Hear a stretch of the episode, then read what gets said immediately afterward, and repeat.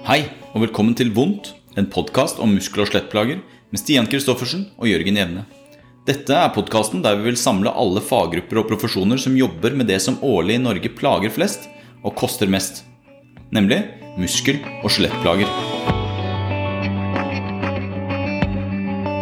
Driften av podkasten Vondt hadde vært umulig uten gode samarbeidspartnere. Vi vil derfor rette en oppmerksomhet mot våre to sponsorer.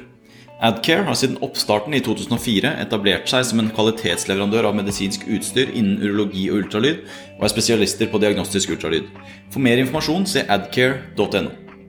Fysika er et journalsystem som er skreddersydd for deg som jobber med muskel- og skjelettsystemet, og har siden lanseringen i 2012 etablert seg som det ledende journalsystemet for denne gruppen av behandlere i Norge. Fysika er optimalisert på en moderne plattform over mange år, med kontinuerlig fokus på og målsetning om å lage det beste journalsystemet for sine kundegrupper. Som kunde har du også alltid fri tilgang til Fysika sin bransjeledende supporttjeneste.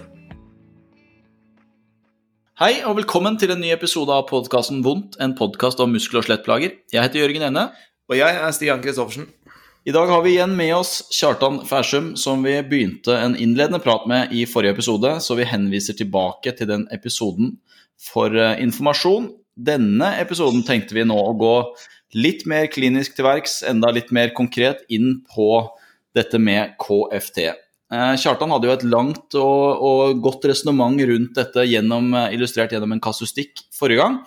Eh, så, så det, det, det, danner på en måte et grunnlag for det vi skal snakke videre om nå. Men vi tenkte nå, Kjartan, at vi går enda mer sånn helt spesifikt og konkret til verks på eh, hvordan du gjennom KFT, eller med en pasient, hvordan du først og fremst kanskje vurderer de patoanatomiske faktorene som, som nok er kjent for mange, og hvordan du tenker rundt det.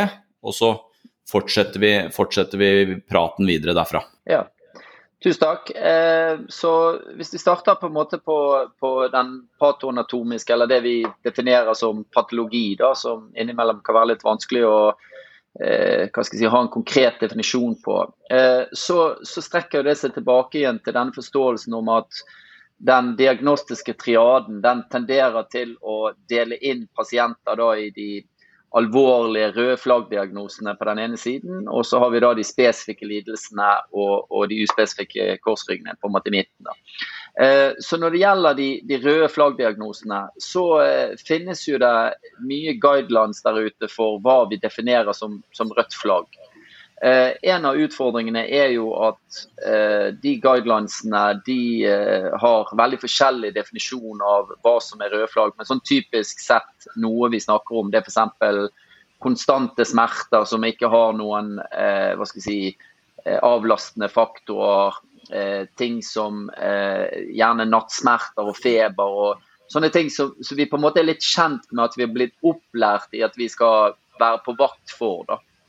Eh, men så viser det seg at disse kan man selvfølgelig også ha uten at røde flagg er der. Så igjen så kommer vi til dette hvor, hvor mye skal du stole på f.eks. feber eller nattsmerter eller konstante smerter som en indikator. Da. Men, men det er jo her vi som primærkontakter må være veldig på vakt, på en måte. Fordi at i det øyeblikket din kliniske følelse sier at her er noe jeg trenger, og her trenger på en måte eh, eh, hva skal jeg si, stresshormonene mine å være litt på vakt. Her må jeg på en måte være skarp. Her er det blir litt så du nærmer deg startstreken på en konkurranse, på en måte. Eh, så kommer liksom kortisol og disse tingene. Da, da bør vi være eh, våkne og, og, og, prøve å være enige med oss sjøl hvordan klarer vi da å eh, stå i det, og så utrede det på en måte videre. da.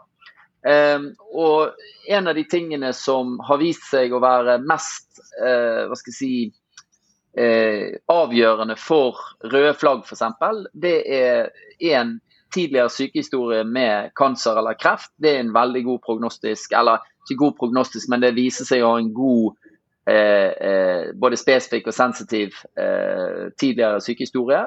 Og det andre er denne følelsen som du sitter noen ganger med i magen, at her er det et eller annet som ikke stemmer, bare sånn basert på, på all min, min, kliniske erfaring. Og, og, den er litt sånn vanskelig, at den kan du ikke slå opp noe sted. Altså Hvor sitter han? Sitter han i magen, i hodet, i skulderen, i øret?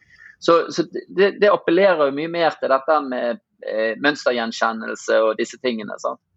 Eh, selvfølgelig også Hvis pasienten har vært igjennom et traume, så er det selvfølgelig veldig viktig at eh, vi da ser for oss hvordan tror vi at dette traumet er, er undersøkt, og, og, hvordan må jeg forholde meg til det traumet. Og Det er jo vist også at eh, når dette har vært ignorert, eh, når det gjelder f.eks. pasienter som har hatt falt ned nakketraume Dere kjenner jo til den historien med hun modell borte i England som kom da til en behandler.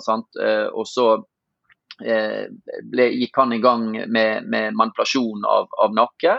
Så viste det seg at det lå traume under som hun hadde vært igjennom. Og så eh, fikk han pes for at eh, det ble sett på som denne pasienten fikk slag og, og, og døde.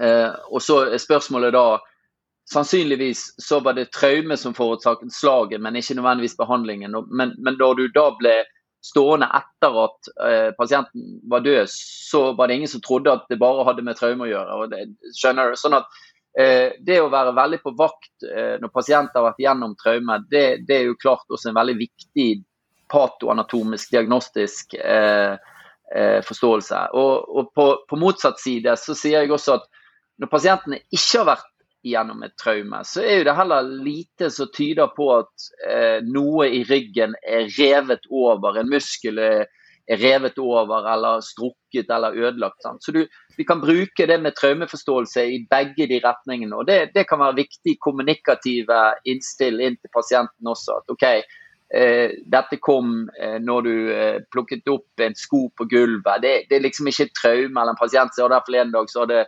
lagt på en, trodde han hadde med at han hadde lagt på en bestemt måte. Det er heller ikke traume. Så, så, det gir oss ganske gode eh, indikasjoner noen ganger i retning av eh, hva vi tror når det gjelder traume, men også disse eh, typiske kliniske tegnene for hva vi anser som, som røde flagg.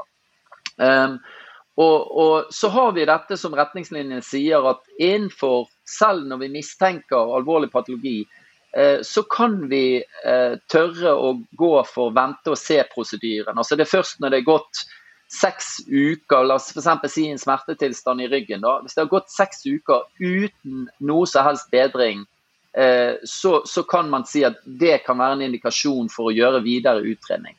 Nå skal ikke det misoppfattes med at hvis noen har eh, alvorlige nevrologiske utfall og, og ikke kan eh, gå på do eller ikke har kontroll over eh, blæren, så sier ikke vi til de nå venter vi seks uker til, til dette her. Så, så, dette gjelder der det ikke foreligger alvorlig indikasjon på underliggende patologi. Det er jo viktig å si. da.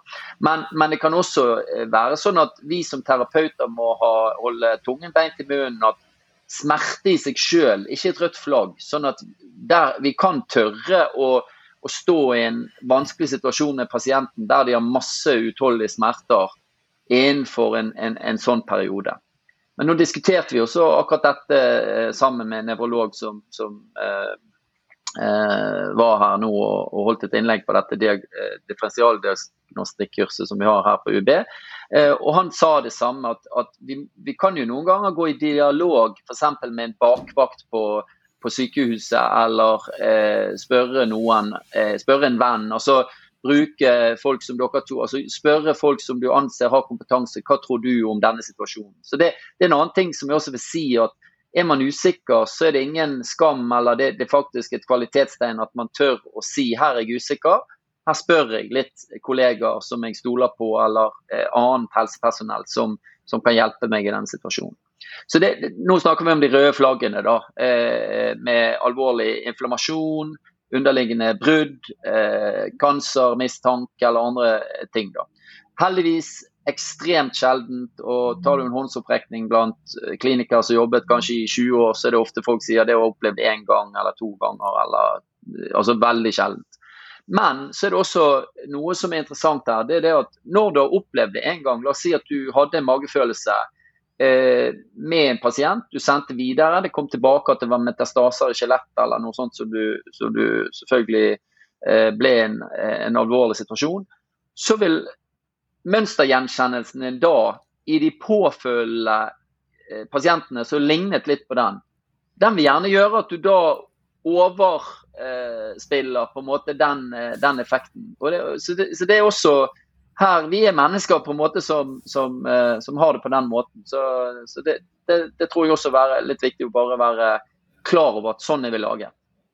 Tror, tror, du ikke det er liksom eh, hverdagen til en, en, gjengs fastlege? Altså det, det der med å bare, bare på grunn av eh, Bare statistisk sett så ser de så mye mer alvorlige ting enn oss. Og unge pasienter med brystkreft med spredning, ikke sant? 27 år, hvor, hvor mange av de vil vi se i løpet av vår karriere? Eh, svært få. ikke sant? At du dermed vi, vi, har jo ofte den der, eh, holdt på å si, sjargongen med at åh, den fastlegen henviser til MR på første gang uansett. Men at, eh, at den mønstergjenkjenningen der, de er liksom trigget for å i hvert fall være dekket i ryggen. På, på, ha, ha, rygg, ha, ryggdekning for det tidlig, bare fordi at fallhøyden er så stor. Jo, 100 enig. og jeg tror, vi, jeg tror vi igjen, som vi snart var inne på litt i del 1, vi må vekk fra den eh, følelsen av at noen andre gjør noe som vi ikke eh, bifaller, eller et eller annet. Fordi at eh, et, et, betimelig spørsmål der er jo å stille da en kliniker som måtte mene det. Eh, har du hospitert hos en fastlege? Har du sett hvilken hverdag de har? Eh, med, med, 35 pasienter på en dag eh, med 5-10 minutters konsultasjoner og gjerne 4-5 timer med, med, med eh, si, admin-skriving etterpå. Altså, de blir gått i, i kortene tror jeg, på en, annen, på en, helt annen måte, både når det gjelder medisinering og alvorlige ting. Sånn at Helt riktig det du sier, og, og, og, kanskje igjen også en grunn til å virkelig ære det samarbeidet med fastlegen. og og, og prøve å behjelpe de der vi kan, og, og spille de inn som, som, gode aktører. For de, de har en veldig vanskelig eh, hverdagssituasjon med korte konsultasjoner, skal ta inn mye sykehistorie, akkurat som du sier. og da, da, blir det kanskje også naturlig at de dekker seg eh, mye. Eh, og, og, En annen ting som jeg også sier, hvis fastlegene har, eh, har sendt til en MR, så hvorfor kan ikke vi også være hjelpepersonal der og så si at ok, er det greit at jeg setter av en time med deg etter at fastlegen har henvist deg til MR, og så går vi gjennom MR-en her fordi at jeg har mulighet til å, å, å, å, sette den i kontekst av den klinikken som vi snakker om. Jeg forstår at han må eh, si, gardere seg for å se at det ikke er noe galt her, og når du får svaret, så tar vi en gjennomgang på det, hvis du ønsker det. Altså, det er liksom noe med å, å bruke en sånn økologisk eh, fornuftig forståelse for å akkurat å gå inn på de. Eh, så hvis jeg eh, kan gå videre eh, hvis ikke du Eller vær så god, Stian. Ja. Jo, nei, vi snakket så vidt om det her med, med, med Simen i en av de forrige episodene også. at liksom, vi, vi, ser jo ikke de alvorlige tingene. altså De er så sjeldne, så man blir jo helt sånn åpenbart primet av det. Og at selv om, selv om, det er noen som sier at ja, nei, vi må jo vi må ikke glemme det biologiske i det biopsykososiale perspektivet, så, så, så, er det jo et større og større fokus også på at ting er mindre vevspesifikt, og, og, og, at det er andre faktorer som betyr mye. Og jeg merker jo at i min arbeidshverdag så jeg blir ganske prega av, av, det skiftet også. Mm. Eh, og kanskje man da Altså, jeg ser veldig lite alvorlig patologi. Eh, majoriteten er uspesifikt. Eh, det er andre faktorer enn det vevspesifikke jeg går inn og jobber med.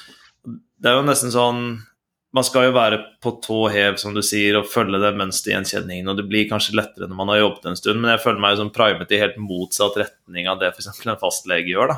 Mm. Eh, og jeg kan ikke gå rundt og være redd for at jeg misser så mye heller, for sannsynligheten for at jeg gjør det, er jo, er jo liten. Men jeg mm. tror det du sier, det også hvis man er usikker da, og har jobba en stund, eh, så, så, er den usikkerheten den er jo tufta på noen. Den er jo tufta på en magefølelse. Altså, det, dette, var litt, dette, var jo litt, annerledes. Og så får man bruke de kollegene rundt seg da, som man stoler på, bare for å få en second opinion. tror jeg. Mm, mm. Og bare det å si det kanskje høyt til kollegaer at du, er en prestasjon. Jeg er usikker på om eh, dette indikerer at jeg skal gå videre med det, men jeg har en magefølelse for sånn og sånn. Hva, hva tenker du?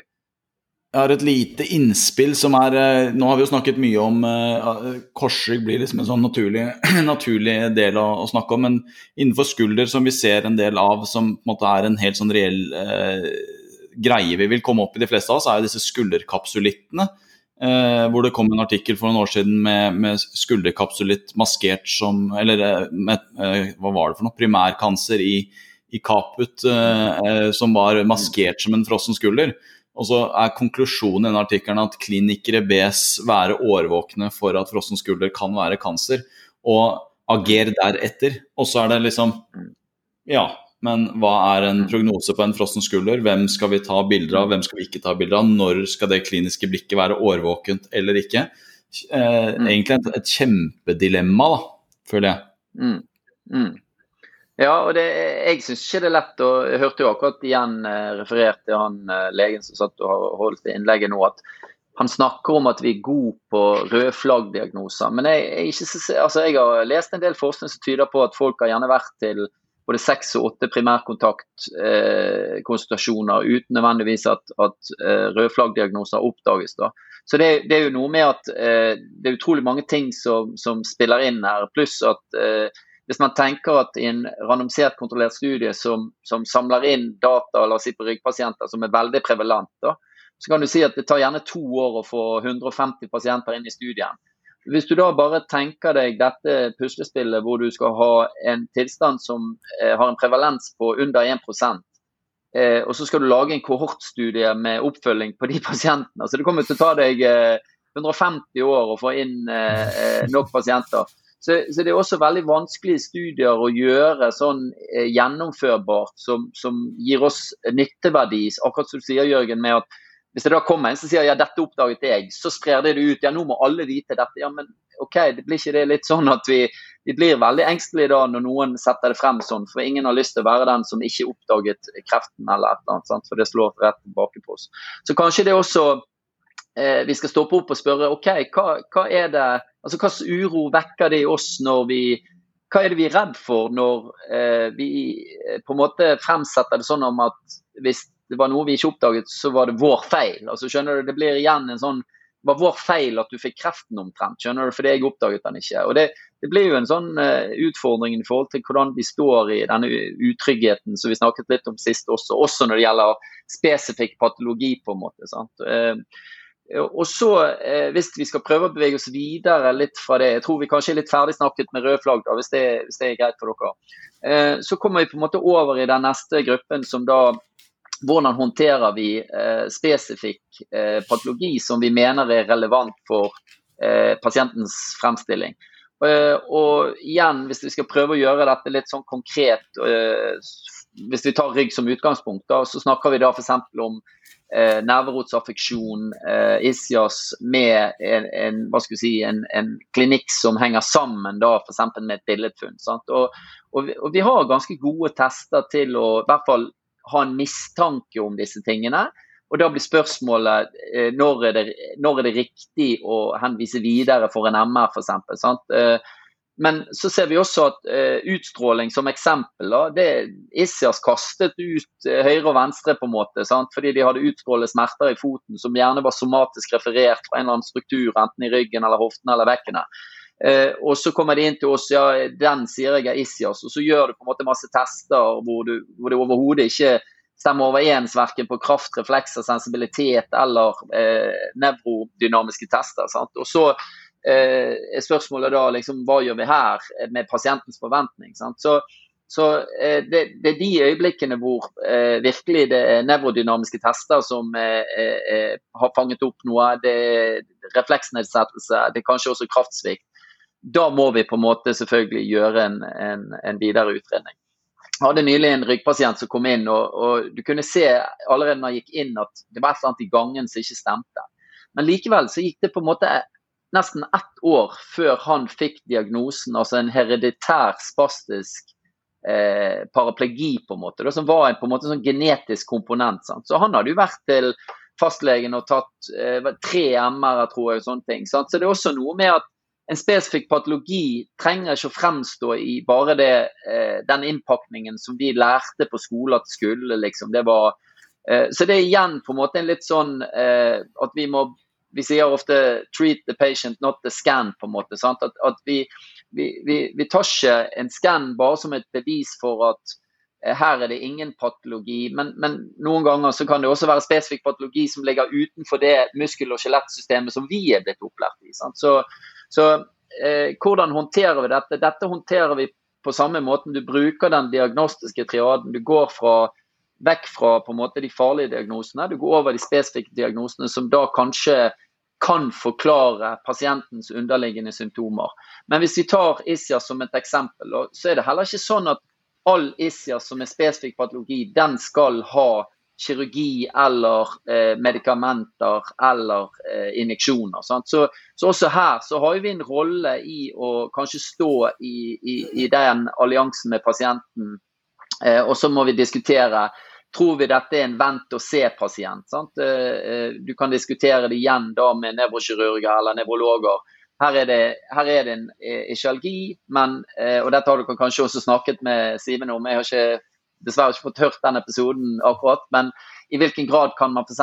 stå eh, i en ischialgi og så bruke vente-og-se-strategien eh, eh, for å se om det er resolusjon av plagene, på en måte. sant? Eh, så, så, her bruker vi på en måte eh, eh, diagnostikk, men vi bruker også kliniske tester og skjønn og de samme tingene for å avdekke det.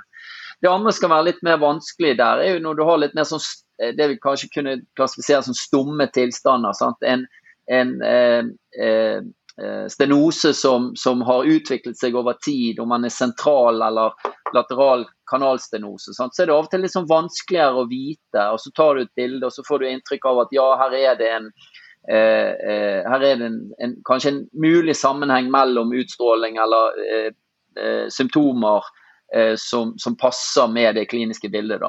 Og hva gjør vi med det? Sant? Eh, skal vi igjen vente og se? Skal vi prøve mer konservative ting? Hvor, hvor, passer våre eh, manuelle teknikker og andre eh, til eh, eh, behandlingsstrategier inn i dette bildet? Og det det syns jeg også en, kan være litt sånn vanskelig sak, da, som ikke jeg i hvert fall har noe sånn direkte svar på, på i så måte. Jeg syns egentlig det er, det, er, det er, gode refleksjoner, dette her med den diagnostiske triasjen. Som, i hvert fall når jeg lærte den, så var det jo på en måte de hyperspesifikke, alvorlige prosenten på toppen, og så var det den midtre delen av trekanten, disse spesifikke, som man da lærte som Det var det siste halmstrået av spesifisitet før du kommer ned til grunnfundamentet med hele sammensuriumet. Men selv innenfor den spesifikke kategorien så er det jo masse nyanser og kontekst, og overhodet ikke så som du sier, ikke, ikke, sånn at ja, der skal alle ha den medisinen, eller der skal alle ha eh, kirurgi eller whatever, men, men, selv der, som liksom er det lille spesifisiteten vi har innenfor faget, så er det så mye ullent eh, og ikke håndfast at det er nesten sånn at man er klar for å retenke hele den diagnostiske triasje-tankegangen i seg selv at, eh, at, det er, eh, at, det ikke nødvendigvis gir det, det, verktøyet som det var tiltenkt, da, siden det nå tross alt er bare 5-10 av pasientene likevel. Mm. Jeg er helt enig, og, du, du, hitter vel the nail on the head. Altså, det er så lett for å tro at ordet spesifikt eller rødt flagg det betyr at vi vet hva som foregår i de tilfellene. Men, men, det er egentlig kanskje like ullent som du sier. og Hvis vi bare tar Modik-funn eh, som et eksempel, så kan du si at Før 2007 og Per Skjær sine studier så visste vi ikke engang at det var noe som het Modik. Og Nå snakker vi om Modik som på en måte den nye vinen og, og, og, det vi skal gjøre. og Hvis det er Modik 1, så gjør vi dette. og Hvis det er Modik 2, så gjør vi dette. Og Modik 3, det driter vi eh, Og likevel så, så, vet vi egentlig ikke når en Modik 1 blir en Modik 2 og Modik 3. Så, så eh, for å på en måte prøve å sammenfatte det litt igjen, da, som jeg mener er viktig tror jeg, når vi kommer ned på det vi har kalt uspesifikt, det er det at igjen så er det den kliniske presentasjonen. Det å tørre å stå i, sammen med pasienten i den kliniske presentasjonen som blir eh, alfa og omega, enten du tror det er rød flagg, spesifikk diagnose, altså spesifikk, eh, eh, de spesifikke tilstandene, eller den uspesifikke gruppen, på en måte. Sant? Fordi at det er sammen med de du skal prøve å make sense og lage en plan for eh, det som skal skje fremover. på en måte. Sant? Og da, da, er det viktig å, å, å, å eh, bruke den eh, grunnleggende holdningen at eh, du kan sitere både én og fem eller ti RCT-er, men, men, hvis ikke du forholder deg til personen foran deg, så har du liksom misset på, på evidensbasert praksis uansett. Ja, dette resonnerer veldig med, med, den praten vi hadde med, med Rani Anjum også. Det her med Altså det å bare forholde seg til, eh, til, guidelines og tenke at populasjonsdata er veien å gå, så som hun sier, at det finnes jo ingen gjennomsnittlige pasienter. Det er jo utelukkende den pasienten som er foran deg, og måten du klarer å forklare det på. Og så er jo på en måte hennes teori da på disposisjonalisme med, med at vi, vi, må jo på en måte ha våre disposisjoner som møter deres, som gjerne skal manifesteres i noe, som vi mm. kanskje ikke helt vet hva ennå. men det fordrer i hvert fall at vi tar utgangspunkt i den personen vi har foran oss i rommet. Som du sier, da, litt uavhengig om det er en spesifikk tilstand eller en uspesifikk tilstand, så blir jo reisen videre basert på det du møter. Ja, og som hun påpekte, og nå har jeg hørt begge de episodene også, som på en måte jeg syns var veldig fine oppsummeringer fra den engelske serien. Eh, det var jo dette med at Tenk så irriterende hvis du kommer inn med et fenomen som du kjenner i din kropp og så sitter det en foran deg som siterer en RCT hvor han sier at det du opplever, det, det gjelder ikke. altså, snakk om å ha lyst til å klesse noen. altså det er jo eh, så, så, det er klart at, at, det er veldig viktig å få sånne påminnelser eh, hvorpå vi på en måte må fjerne oss sjøl fra vårt eget ego. Men jeg syns det er vanskelig, fordi at det vekker jo også en uro i meg hvis jeg må gjøre det. For da er ikke jeg lenger viktig, da er det pasienten som er viktig. Sånn at eh, Jeg tror det er viktig å være åpen på at vi kjenner på det ubehaget, og det er greit. Men, men, så er det på en måte, og jeg har tenkt mye på det med dispositionalism og dette her. Det som er så bra med den tankegangen, for det touchet vel du litt inn på også, Stian, det er jo ja, hva, hvilke disposisjoner er gyldige disposisjoner. Altså, for selv der så vet vi liksom ikke hvordan virker de disposisjonene. Sant? Hvis vi ikke vet noe hvilke disposisjoner, så vet vi heller ikke hvordan de virker og når vi kan kalle det en disposisjon, eller når det bare er noe annet. på en måte. Sant? Men da er det i hvert fall genuint forsøk på å si at det er pasientens opplevelse av sine disposisjoner som på en måte er, er førende for den opplevelsen de beskriver. Men så er det av og til du opplever at pasientene vet ikke engang hva du mener når du begynner å etterspørre hva, er de, altså, hva tror du er dine disposisjoner. Altså, de bare liksom Jeg vet ikke, det er jo du som er eksperten. Altså, så, så det, ut, det, er også et ubehag i de som opptrer fordi at de vil helst at noen andre skal ha svaret på noe som de sjøl ikke engang orker å Eller kanskje er redd for å gå inn i, da, på en måte.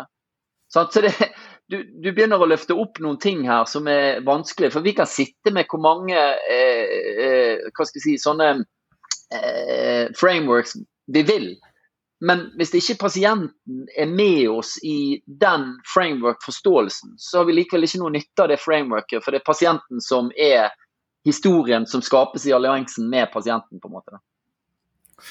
Men der, der, har jeg jo litt av inntrykk av at, at eh, KFT har, har, sin styrke, da, syns jeg. Altså, det her å Ja, mange pasienter kommer jo til oss fordi de ønsker å bli fiksa, vi skal ha et eller annet svar. Vi kan jo gi dem en del svar og noen forklaringer, vel vitende om at vi ikke kan gi dem svaret på alt. Men det handler jo også om en sånn type ansvarliggjøring eh, for, for, egen situasjon. Eh, altså kognitiv funksjonell terapi, det, det, favner jo ganske bredt. Men jeg syns jo på en måte bare det å i det hele tatt få dem til å begynne å tenke rundt sin egen situasjon, og gjøre dem litt bevisst på, på hva er dette. Altså Eksempelvis hadde en, en pasient nå som var ganske ung, kom inn, det første han sa var sånn Jeg er ikke noe glad i å trene.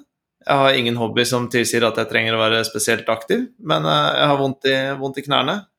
Og begynte å få det for noen måneder siden.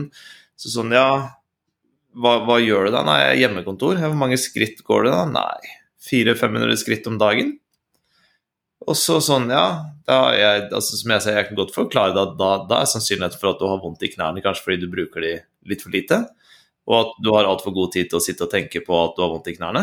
Um, men og det er helt greit, jeg skal ikke misjonere ut trening til noen, jeg, men det kan jo være en idé å begynne å bryte opp den arbeidsdagen litt. Og så tror jeg jo at den ansvarliggjøringen forhåpentligvis er med å, mm. Er med å bidra til at han tar mer ansvar for sin egen situasjon og tenker litt annerledes rundt sine egne symptomer. Jeg syns eh, Jeg vil bare ta litt sånn på den, den der biten din, eh, Kjartan, når du sier at eh, man legger det fram for en pasient, og så, så setter det seg tilbake og jeg, jeg, vet jo ikke hva dette er, du som skal, du som skal fortelle meg. Og også videre på deg, Stian, som i forhold til den eksemplifiseringen av den pasienten der, så, syns jo jeg, jeg, jeg har jo fulgt eh, han uh, Martin Jonsrud Sundby sin ryggplage over mm. de siste par årene. Han er jo et ekstremt godt eksempel, for han har vært så langt framme i media med det. Og man har liksom blitt presentert for hele historien på en måte fortløpende. Og det, det, er jo fascinerende når du er innom 15 forskjellige, og så til slutt så Nå har jeg endelig funnet løsninga. Ikke sant? Og da, det, det, er jo det som er litt fascinerende, dette med eh, Mye av dette handler vel om å, å, å finne en løsning på pasientens vegne, som pasienten respekterer og forstår og, og, og ønsker liksom litt for seg selv. Da. Det er jo dette som er litt kunsten i å navigere det her ulne farvannet. Eh, altså jeg vil jo tro at han har vært innom masse kompetente folk som har fortalt han at eh, MR-en er negativ og det er ikke noe vi kan tilby av verken eh, nåler eller, eh, eller injeksjoner i, i, nerven eller whatever. Og så til slutt så lander han på noen som Nå har jeg funnet løsningen. Det er jo på en måte sånn For oss som sitter i feltet, så er det veldig fascinerende. Men sånn for hvermannsen eller for hver, hvermannsen av, av pasientene, så er jo dette litt sånn hverdagen, da, syns jeg. Absolutt. Og, og Tiger Woods er et annet eksempel, sant? som på en måte hadde funnet løsningen, eh, men så måtte han eh, gjøre løsningen om igjen, og så måtte han gjøre løsningen om igjen en til gang. og Så måtte han gjøre løsningen. Altså, så, så når kaller vi en løsning en løsning? Altså, det er jo også interessant. sant? Er, det, er dette seks uker, er det ett år, er det to år, er det tre år? Eh, og, og, tror vi da f.eks. at hvis han har sett 15, eller nå trenger vi ikke gjøre det spesifikt til en, en utøver, da, men, men tro, er det sånn da at det som den første undersøkte, er det samme som den, som fant, den 15. som fant løsningen, på en måte. sant? Ehm, men, men, noe som jeg har tenkt mye på, kanskje spesielt de siste ukene, det er dette som du sier, Stian, der også. Begår vi en liten tabbe når vi på en måte kognitivt prøver å løse noe som kanskje sitter mye mer kroppslig enn det vi gir det kreditt for? da? Så, så, en, så, et annet spørsmål til han som gikk 500 skritt, det kunne jo være eh, hvordan føles altså Hvis du skal gå ned i knærne dine, eller på en måte prøve å sette deg inn i kroppen din, hvordan føles knærne dine når du sitter mye? Eh, versus eh, hvordan føles knærne dine hvis du har, har du en erfaring med at hvis du har beveget deg, og, og hva, hva, er det da du gjør? Altså Skjønner du? Eh, og, og, så, så, jeg lurer også på om vi har en vei å gå med å, å, å gjøre ting mer fysisk enn kognitive, hvis du skjønner hva jeg mener. Da. Jeg sier ikke at det, det, det, er det ene eller det andre. Men jeg bare ser når vi driver med eksponeringsterapi og lærer folk enten det å bevege skulderen på en annen måte, eller ryggen eller nakken på en annen måte, eller knærne, så er det ofte fordi at vi legger fokuset mot den funksjonen som vi vil at de skal gjennomføre. Og så spør vi litt rundt det. Nå gjorde du på denne måten, hvordan føltes det? Altså, skjønner du? Så, så jeg på en måte lurer på om vi har et lite sånn untapped potential her, da, med å være enda mer fysiske i vår kognitive tilnærming, da, hvis, du, hvis, du, forstår hva jeg mener. Sånn at hvis han kan gjenoppleve en opplevelse som er at jo, når jeg beveger knærne mine litt regelmessig, så føles de mykere og løsere. Så trenger ikke du kognitivt å fortelle han at han sitter på ræven for mye. altså ikke Forstår du hva jeg mener? Det er akkurat da, da har du på en måte tatt han med inn i en reise. og Jeg, jeg lurer mye på om det, det det er nøkkel i rehabiliteringsfaktoren som vi driver med. For da tar du på en måte eierskap til noe. Og Det, det forklarer også hvorfor, hvis du har vondt i knærne, er det da rart at du ikke har lyst til å gjøre det som du tror er altså Skjønner du? Så det, det, er liksom noe med at vi, vi, vi, må på en måte snu det narrativet. Og det narrativet blir ofte snudd, føler jeg i hvert fall klinisk, når du bearbeider det i en sånn veldig fysisk eh, komponent. Altså, jeg, jeg, tror det er lettere Det er nesten så jeg lurer på om har det mindre å si hva vi tenker om det å bøye ryggen, enn faktisk det å trene på å bøye ryggen veldig sånn fysisk, da, hvis du forstår hva, hvis jeg har klart å gjøre meg forståelig. Ja, hvis jeg forstår deg riktig, så kan man vel kanskje dra det litt inn i, i Gifford igjen med, med bottom up, top down approach, altså kombinere det. Eh, jeg føler jo at jeg har brent meg mye tidligere også på, på det derre å, å, sitte og forklare ting. Altså sitte og forklare at de, nei, det er ikke farlig å bøye seg, du må liksom hjem og så må du bøye deg. Kontra det også, å gå ut og så snakke om det å bøye seg mens de samtidig bøyer seg. Um, at, at det Og, og Gifford har vært veldig, eller var jo veldig på det veldig tidlig. Sånn, du, du, må altså Du kan jo forsterke budskapet ditt, du kan forsterke det kognitive gjennom det fysiske. Da. Og det, det er jo noe som er liksom basert på egne feil opp gjennom karrieren, kanskje vi anbefaler mange som går ut i praksis nå, da, og så gjøre mye av den samtaleterapien i en fysisk setting i bevegelse. Absolutt. Også, og, og, og pluss at selvfølgelig bottom up, top down. Det blir jo en reduksjonistisk modell. Det er liksom ikke det, Nå var det nå beveget du foten, da var det bottom up. på en måte. Nå sa jeg noe, da var det top down. Så, så, men kanskje det å, å, å, Når vi gjør øvelser med pasienter eller vi, vi, vi demonstrerer, så stopp opp og så spør hva, hva kjente du i kroppen din nå når du gjorde det, og få dem til å beskrive det. veldig sånn Peke på det eller ta på det eller kjenne. Og, Det er jo ofte det vi ser at eh, bare du jeg vet ikke om du har sett det, men, men hvis du tar en som har vondt i kneet eller ryggen eller skulderen, så sier du ja, bare gjør det der. Så stopper de opp. Fordi de, de, de, de har ikke noe Det er alltid denne altså, Skal jeg virkelig gjøre det som jeg Altså, sant, En som hadde en pasient som sleit med å gå, så sa ja, løp ned gangen. Og så, og så bare Løp altså, Det var akkurat som jeg snakket hebraisk, på en måte. Som, som, som sant? Fordi at jeg jeg tok henne på en måte rett på ordet i noe som hun eh, En annen pasient som ikke hadde løpt på, en, eh, på et år, eh, legestudent, og så sier jeg ja, hva hvis du løper i, i kveld eller i morgen?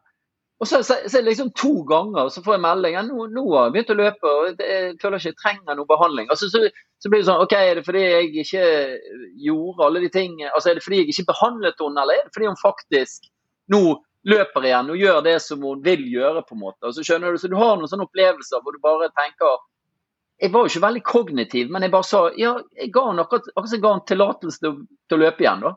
Og det, det, burde jo egentlig ikke trenge fra meg etter et år, føler jeg. da, men, men hvis du forstår hva jeg mener. da. Og Disse opplevelsene har jo dere også sikkert eh, mange tilsvarende erfaringer med. Så, så jeg, jeg, tror veldig på det å, å, å virkelig dykke ned mer i, i og Vi kan ikke kalle det biologien engang, for det, er liksom alt. Det, altså, Få personen til å kjenne mer etter hva som foregår når de gjør f.eks. En, eh, en knebøy eller eh, beveger kneet eller gjør noe som er Utfordringen er jo bare når f.eks. de som har kanskje da underliggende inflammatoriske prosesser hvor det å bevege seg mer gjør de verre. Eller den andre er det at eh, jeg får ikke vondt når jeg gjør det, men jeg får veldig vondt etterpå. Sånn at det blir en sånn her schizofreni i å forstå om det er lurt eller ikke lurt. Eh, siste pasienten jeg hadde før vi gikk på i dag, hun var godt over 80 og hadde fått en hamstringsplage. Mm. Det syns jeg ikke det er ofte jeg ser.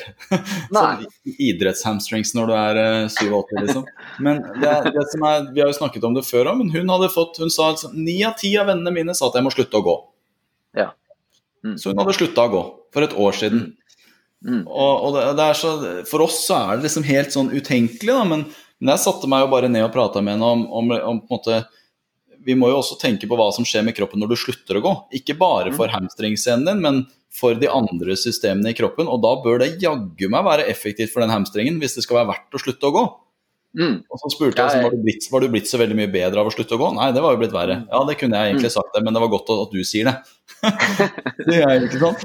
Og så, og så ja. begynte vi videre innover i det, ikke sant. Og, og, og da, da, var jo på en måte en av budskapene at hun må begynne å bruke, bruke seg igjen. Og så er på en mm, måte det. Og hun, hun sa åh, nå kommer vennene mine til å bli så sure for at jeg har fått beskjed om å gå. ikke sant? Det det er, jeg husker jo du har nevnt det som et eksempel tidligere på et kurs også, dette med med, med, ski, med skiprolaps, da bare som et eksempel at eh, ja, jeg ble operert, og jeg ble mye verre.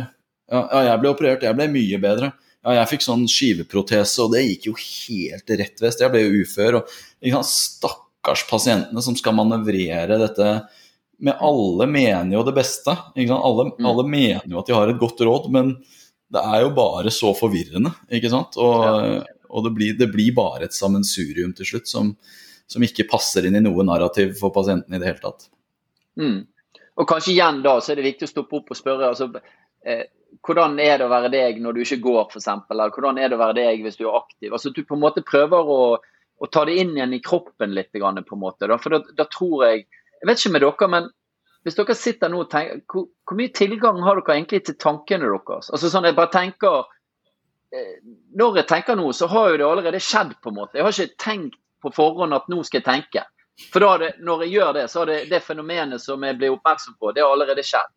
Så, så, sånn sett tror jeg nok at å ta ting inn i kroppen og på en måte bearbeide det mer gjennom en, en forståelig, et forståelig språk, da, det er i hvert fall en veldig god erfaring med. Og Hvis vi på en måte skulle tenke nå at vi har snakket om patoanatomiske faktorer og, og, og, og hva skal si, røde flagg og spesifikke, sant? så kommer vi på en måte ned på dette her.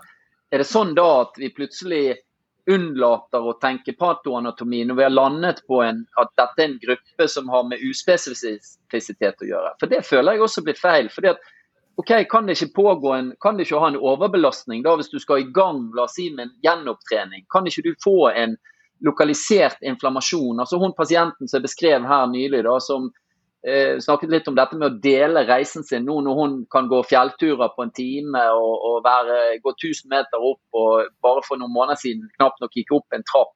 Så blir det også litt sånn at de rundt henne sier å ja, ja, det var ikke så alvorlig det du hadde, for det var jo bare psykisk. fordi at du kunne jo på en måte komme deg ut av det, på en måte. Skjønner du?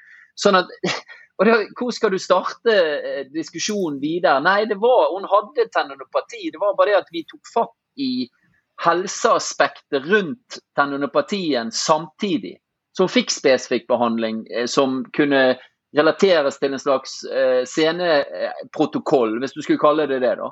Men vi snakket også om søvn og stress, og hva hun, hvordan, hva hun kjente når hun brukte kroppen, og hvordan hun kunne bli kjent igjen med å bruke kroppen på en trygg måte. på en måte. Sånn, Uten at vi, vi var, det, det non-biologisk da, hvis, hvis, vi snakket om ting, mens det var veldig biologisk hvis du kunne ta på en scene og si at den var vond. på en måte da, Forstår? Det her er jo altså, veldig interessant også å snakke med, snakke med, deg om, og ikke minst for de som ikke har hørt deg før. Men det derre Hvor mange ganger har man ikke snakket med en pasient og sagt sånn Ja, men MR-en din er negativ, ultralyden din avdekker ingen strukturert skade. Mm. Så kan du, altså, hvor, hvorfor tror du at du har vondt da, mm. når vi ikke har noen funn? Mm. Og så blir det liksom stille sånn Ja, sier du at det er psykisk, da? Og vi snakka jo en del sist om det her med liksom, en allianse og en relasjon med en pasient. Jeg har ikke et tall.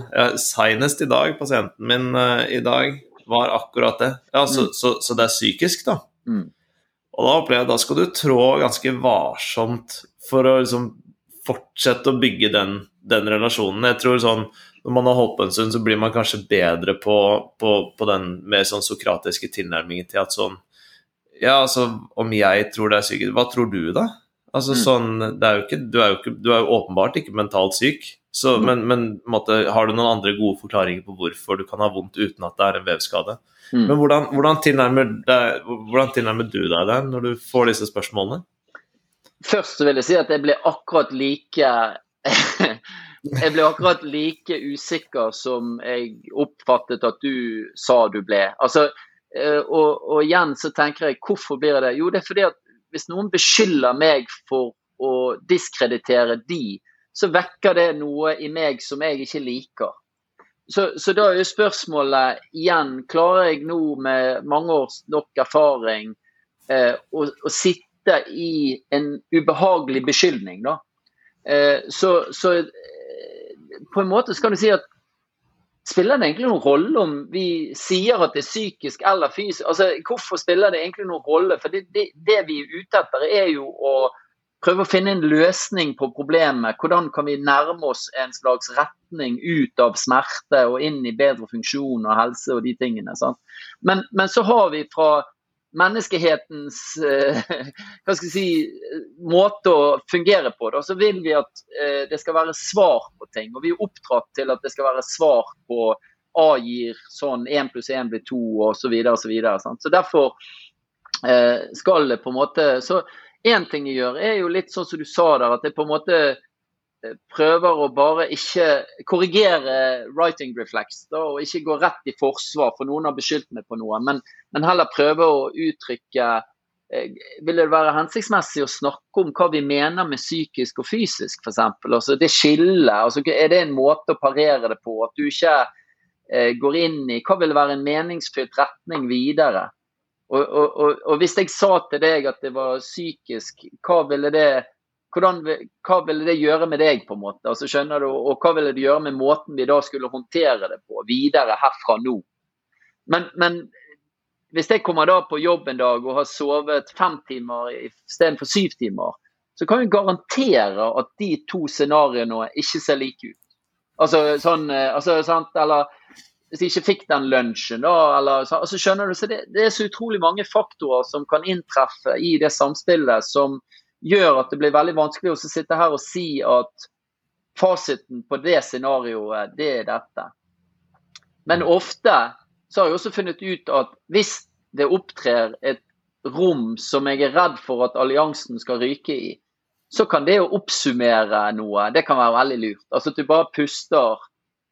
La oss si det, det som du skjedde nå. Så kjente du at oi, det var ikke som noe slo deg i magen. Du kjente det fysisk i magen at du ble angrepet eller anklaget for å, for å beskylde noen om noe. da, Eller de, ikke nødvendigvis beskylde, men at de var usikre på om, om du sa noe som ville være negativt for dem. Så kunne du puste litt, og så kunne du si OK, kan jeg kan vi nå bare oppsummere eh, den, disse disse tingene sa jeg nå, altså at fønen ikke viste sånn og sånn. Eh, og så eh, var spørsmålet ditt at tror jeg da det er psykisk. Er det riktig forstått? Har jeg forstått deg riktig? Altså skjønner du, Hvor du egentlig ikke svarer på spørsmålet, men du bare på en måte oppsummerer for å se om det ligger noe mer der. da. Så kan hende vedkommende si ja, for du skjønner, det var hos fastlegen, så sa han at det var psykisk. Og det kjente jeg ble, jeg ble utrolig provosert av. Så derfor så OK. Hva, altså skjønner du, så, så, gir det kanskje en mulighet til å gå noe videre i dialogen som jeg føler kanskje ikke har ødelagt allianse, da, men hvor du egentlig viser at du prøver å forstå. Vi, vi jo, nå er vi jo inne i og snakker om psykososiale faktorer. og, og, og vi tok jo opp dette litt med Simen Sletten også. Han snakket jo en del om eh, Ørebro Screening Questionnaire, eh, Startback, tamp Tampa Scale of kinesophobia osv. osv. osv. Vi har snakket, vi snakket litt om måte, ulike settinger. altså når jeg var i, i, Danmark, så var vi jo på et spesialistsenter for langtidssykemeldte. hvor jeg tenker at konteksten tilsier at det er mer naturlig for pasienten å komme inn og fylle ut eh, fire, fem, seks spørreskjemaer som tar en halvtime, eh, kontra at du kommer som førstegangsbesøkende Eh, til en, en kiropraktor eller fysioterapeut eller osteopat eller hva det skulle være, og, og føle at du blir bombardert med, med spørreskjemaer. Men i, i, nå har vi snakket om at vi skulle konkretisere dette. Hva, mm. Over i de psykososiale faktorene, eller psykosomatiske kanskje, vel så mye. Mm. Eh, mm. hvordan, eh, hvordan tilnærmer du deg det sånn rent konkret med pasienten? Nei, så jeg har jo lenge, både gjennom MT, altså studiet her, så har vi altså En av grunnene til at eh, Ørebro-skjemaet f.eks. kom inn tidlig, det var jo fordi at det var noe vi introduserte inn i mitt doktorgradsarbeid, bl.a. helt tilbake fra 2005. Og, og, hadde også noen år hvor vi jobbet ganske tett med Steven Vinton, sant, som er en eh, enorm kapasitet på, kan du si, på ryggområdet. Sant, fra et en psykologs perspektiv. Men, men så, så, når det gjelder akkurat det med å bruke generiske skjemaer, så sier, har jeg gått ut og sagt at jeg syns det kan være lurt å bruke skjema som gir deg mulighet til å invitere deg inn da, eh, i samtaler rundt eh, psykososiale faktorer. Fordi at det kan hende at pasientene på en måte er eh, hva skal jeg si, ja, ikke helt vet, hvis de møter deg f.eks. Jørgen, sant? eller deg Stian, eller meg, så, så ikke de kanskje klar over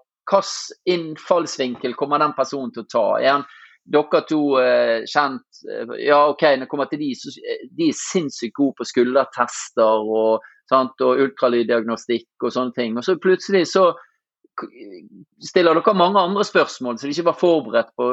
Oi, jeg trodde altså sexy shoulder og jeg har jo lest om de på nettet, og, sant, og her, trodde, her liksom, bryr han seg om ekteskapet mitt og ja, forskjellige ting som, som kommer opp. Altså, hvordan, så, så, jeg føler at et generisk skjema som kan tas på starten, det gjør i hvert fall at du eh, fremstår en som Jeg tror du fremstår som profesjonell.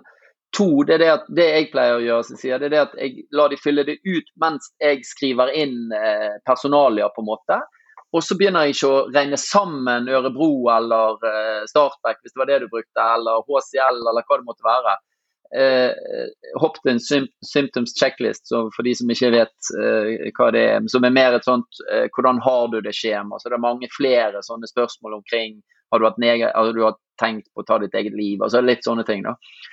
Men, men, så legger jeg det ved siden av meg, og så ser jeg gløtter jeg ned på det i denne anamnese, allianseskapende situasjonen. Og så sier jeg at OK, Eh, jeg ser her at du skårer at du har hatt mye stress de siste 14 dagene. Eh, har du lyst til å fortelle litt mer om det? Sånn at eh, jeg føler det er et godt redskap for å nettopp å, å lage en, en, bro på den forventningen som de kanskje har. da, Men samtidig på en måte vise at du bryr deg mye om pasienten og, og, og det de har gjennomgått. Sånn at de, de, de skal føler at de blir ivaretatt på en god måte, og at du ikke eh, hva skal jeg si, bryr deg om ting som ikke er din business. Men senest her og bare jeg kjenner Når vi snakker om det, så kjenner jeg hvor mange ganger akkurat når du nevnte det i sted, eh, Stian, hvor mange ganger sitter jeg ikke i den følelsen av at jeg føler at jeg ikke håndterer akkurat en sånn eh, konfliktsituasjon. Da tror du at det er psykisk. altså jeg kjenner at jeg ofte føler meg så dårlig på det. Og det vekker på en måte det å være dårlig vekker ubehag i meg. da. For jeg har ikke lyst til at noen skal si at jeg er dårlig. Fordi at jeg, har lyst til at alle skal si at jeg er helt fantastisk og den beste de har vært hos. Og ingen har lyttet så bra til eh, min historie som du. Og så, jeg har på en måte litt lyst til det, da. Eh, skjønner du? Og, og da blir det. Så, så, så, bruken av generiske skjema tror jeg kan være veldig lurt i den allianseskapende sammenhengen der. Så lenge man ikke tror at hvis, hvis, man ikke gjør det, så er man ingenting. Og hvis man gjør det, så har man dekket alle fronter. For det er ikke sikkert du har skapt god allianse likevel. Eh, og så hadde jeg en pasient her forleden dag Jeg vet ikke om dere kan tenke på en pasient dere opplevde, men bare det at jeg spurte om hun var gift eller hadde barn, så så bare Ja, Gift? Eh, gift? Nei. Eh, har du barn? Jeg har tre voksne barn. Og akkurat som måten hun sa det på, følte jeg ikke inviterte inn til noe videre dialog. Og da fanger jeg opp et eller annet som jeg ikke kan beskrive eller si hvor jeg har lært, men som får meg til å tenke at OK, her ligger det et eller annet som jeg kanskje må komme tilbake til, men jeg kan ikke begynne å grafse i det materialet nå, på en måte det, der er det et eller annet som jeg må komme tilbake til. Og, og det, det, er veldig vanskelig å si til noen at ja, når det skjer, så gjør du sånn og sånn og sånn. For det, det Måten jeg oppdaget på, det hadde allerede skjedd når jeg ble klar over at det, nå skjedde det. Og Det er derfor vi beskriver det møtet som en dans, på en måte. Du må danse med pasienten. Du må på en måte respektere noen av de uttrykkene som gir seg til kjenne i en sånn dialog. Ja, for den, den der, vi snakka vel så vidt om det siste, der enten dans eller sånn som i hockey, med altså cycle the puck. At du, mm. du, på en måte bare lar den pucken gå og gå og gå til det blir en åpning som du, som du til slutt kan, kan, Det blir feil å si angripe, men i hvert fall utforske en mulighet. da. Mm. Og da har man jo, ikke sant, sånn som du sier, du, du fanger opp at ok, her er det et eller annet i familiehistorikken her som kan være relevant, eller bare kanskje personen er veldig privat og ikke vil snakke om det i det hele tatt. Og så har du alle disse andre tingene som, som søvn og livsstil og miljø på jobben og mm. Så alt dette går jo inn i KFT-rammeverket, men liksom, hvordan tilnærmer du deg de, de spørsmålene? Nei, eh, som jeg tror vi var inne på litt sist også, så er det klart at eh, du kommer jo i kontakt med områder av pasienters liv noen ganger, så du er usikker på om du har noe med. Altså Hvis noen er i en konflikt med i ekteskap eller andre allianser, så, så, er jo det liksom eh, usikkert om hva, hva, kan jeg råde folk til når det gjelder disse tingene der, på en måte. Så, så, så, det viktigste, føler jeg, det er jo å utforske det sammen med pasientene på en litt sånn undrende og interessert måte. Eh, sånn at du i hvert fall når du La oss si du havner i den situasjonen som du sa i sted, at MR-en er negativ, ultralyd gir ikke noe videre diagnostisk informasjon. Eh, da ender du ofte opp med en forståelse over at OK, er det meningsfullt for oss nå i denne alliansen å sette fokus på eh, helse som innbefatter dette og dette og dette og dette. Og ofte da kommer du f.eks. inn på dette. Sant? Så Hvis vi starter for med ok, hvis vi kan legge patologien litt til siden, da, uten å, å redusere problemet ditt til noe psykisk, så, så, kan vi se på sammen. og Der liker jeg godt den her disposisjonstankegangen eller vektorforståelsen eller eh, KFT sin, sin, på en måte eh, rammeverkforståelse av multidimensjonale faktorer. da hvor du, hvor du, lister sammen med pasientene hvor er det vi kan gå inn og gjøre noe som vi tror har en impact på det du kommer for. Sant? Er det noe å hente på søvn, f.eks.? Sånn som, han, som du beskrev der, Stian. La oss si vi bare ok, Jeg sier ikke at du skal gå 10 000 skritt om dagen, men la oss bare prøve med 1000 skritt om dagen. da, Og se om det å gå fra 500 til 1000 kan være en fornuftig måte. Tror du at det kan være fornuftig? Sånn, Bruke litt sånn tiny habits-tankegang eh, rundt det. Er det andre steder, hvis vi prøvde å få søvnen din til å gå fra seks timer til syv timer, kan vi se på det som en, en helse. Eh, I mangel av å oversette det godt på norsk, da, så snakker vi ofte om vi går vekk fra disease care og mot health care. Så når vi prøver å lage en healthcare-modell som, som har eh, eh tar for seg faktorer som vi tror kan virke positivt på helsen. Som jeg nevnte til Erik Vikane tidligere i dag, at eh, ok, vi, vi søker ofte etter antiinflamatorisk medisin.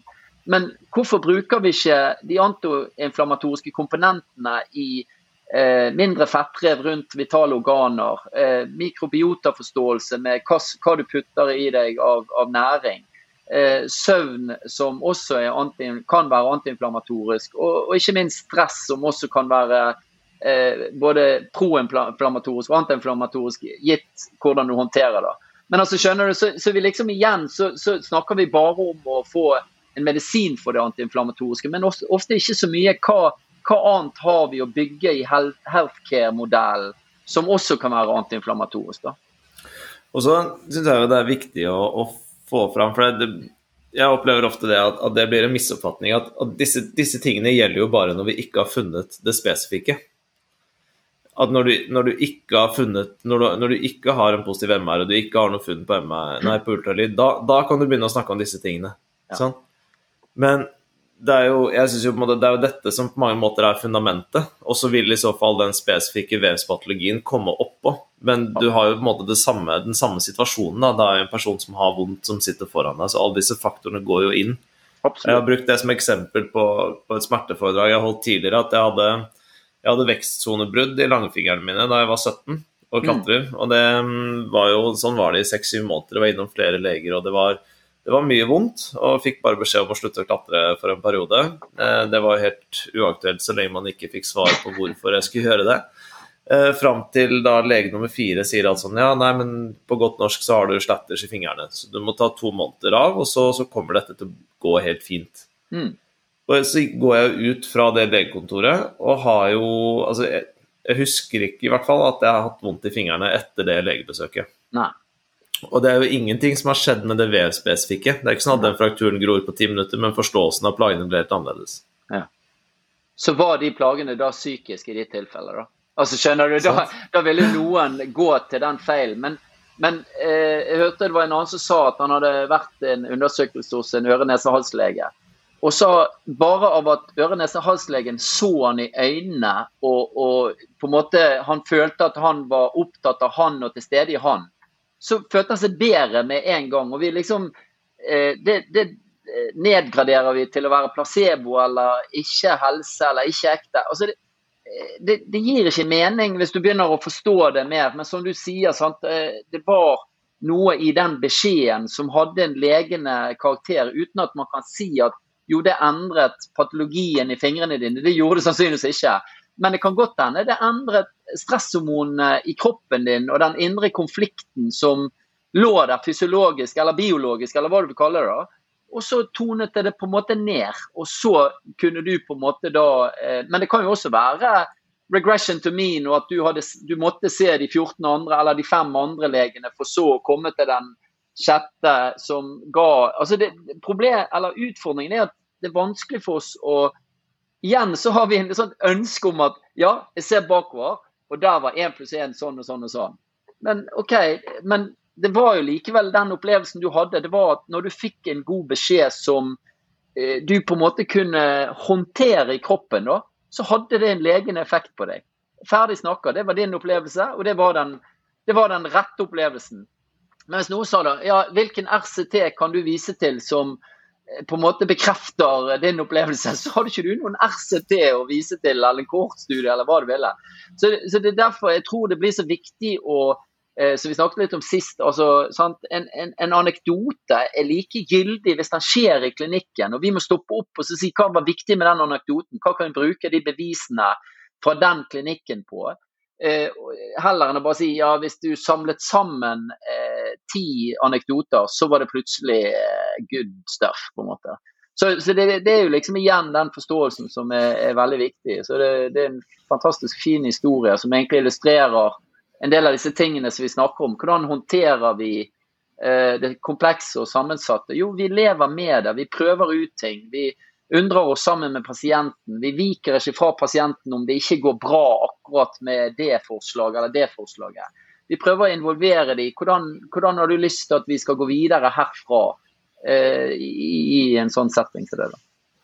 Nå har du jo sagt ordet 'håndtere' fem ganger i løpet av det siste minuttet. og det, det, er, det, er, det siste ordet på blokka her for i dag også. For det er det, er det framtiden for uh, for muskel- og slett, langvarige i hvert fall, muskel- og skjelettplager. Altså, Sullivan og Lewis eh, skiller jo ofte på eh, traumatic and non-traumatic, ikke sant? sånn som du gjorde mm. innledningsvis i dag. At det i seg selv er egentlig et godt skille mellom disse pasientene, de som har vært sammen nei, gjennom et traume, og de som ikke har vært gjennom et traume. Og så, og så på en måte bryne triasjeringen derfra. men de har jo i sin eh, reframing-artikkel eh, som vi kommer til å vedlegge i poden, argumentert for dette med at vi må vekk fra dette med å behandle muskel- og skjelettplager, men å håndtere de mer som en livsstilsdiagnose. Eh, mm. På linje med, og de trekker fram uh, diabetes uh, som, ja. som, et eksempel. Og jeg må mm. si det er brukt som et eksempel veldig mange ganger i løpet av det siste året for de pasientene mm. som jeg føler er mottagelige for den dialogen her. Dette med å faktisk ha mm. den praten om at her er det veldig mange faktorer som kan spille positivt inn på din tilstand. Mm. Hvorav behandling er én av de, men det er mm. veldig mye annet. Det, eh, følger det din eh, tankegang? Ja, jeg, jeg følger veldig den tankegangen og, og, og, tror at det er en økologisk eller bærekraftig, da, så gir det veldig mening, på en måte. Og, og, at i hvert fall nå de siste jeg vet ikke hvor mange årene med både studier som har prøvd å finne vevsspesifikke kjøreregler, da, så, så vil ikke jeg akkurat si at vi har kommet så veldig langt, på en måte. da.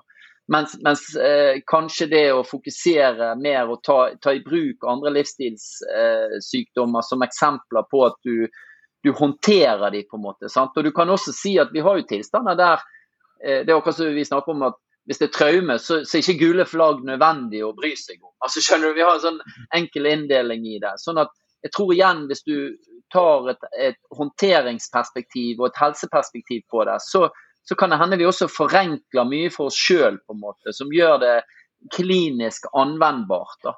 Uh, men det er jo klart det er jo folk der ute som vil at alt skal være veldig sånn uh, Nei, det blir for vagt. Da er vi for generalister. Da er ikke, da er ikke mine uh, eh, 14 kurs med spesifikk mobilisering eller antall timer med sånn og sånn, den er ikke viktig. og det, det Nei, det er ingen som sier det. Vi kan bruke det også, men det er likevel å Det er akkurat som å gå opp på balkongen og prøve å se en konflikt eller en utfordrende ting litt ovenifra. Og så prøve å se hva, hva kan vi gjøre her, sammen med pasienten. Da, på en måte. Sånn som du sier, få et overblikk. Er det noe å hente her? Kan vi behandle dette? Og, og så føler jeg også at det blir en mye mer positiv promotering inn i helse enn at vi skal bare håndtere din skade slash sykdom eller patologi. da. Og med de visdomsordene, Kjartan, så tror jeg vi takker for nå. Og så eh, ser jeg jo fort for meg at vi skal eh, snakke mer med deg i framtiden. Men uh, tusen takk for at du ville bruke noen timer av livet ditt. Uh, kjempelærerikt både for oss og de som hører på. Ja, Tusen takk. Og hvis jeg får lov til å gjengjelde det, så si, det har vært en glede fra min side. Og jeg syns alltid det er kjekt å prate med, med, andre klinikere, og dere to er jo ja, alltid gøy å prate med. Tusen takk. Tusen takk for nå. Vi ses snart. Og til dere der ute, vi høres snart.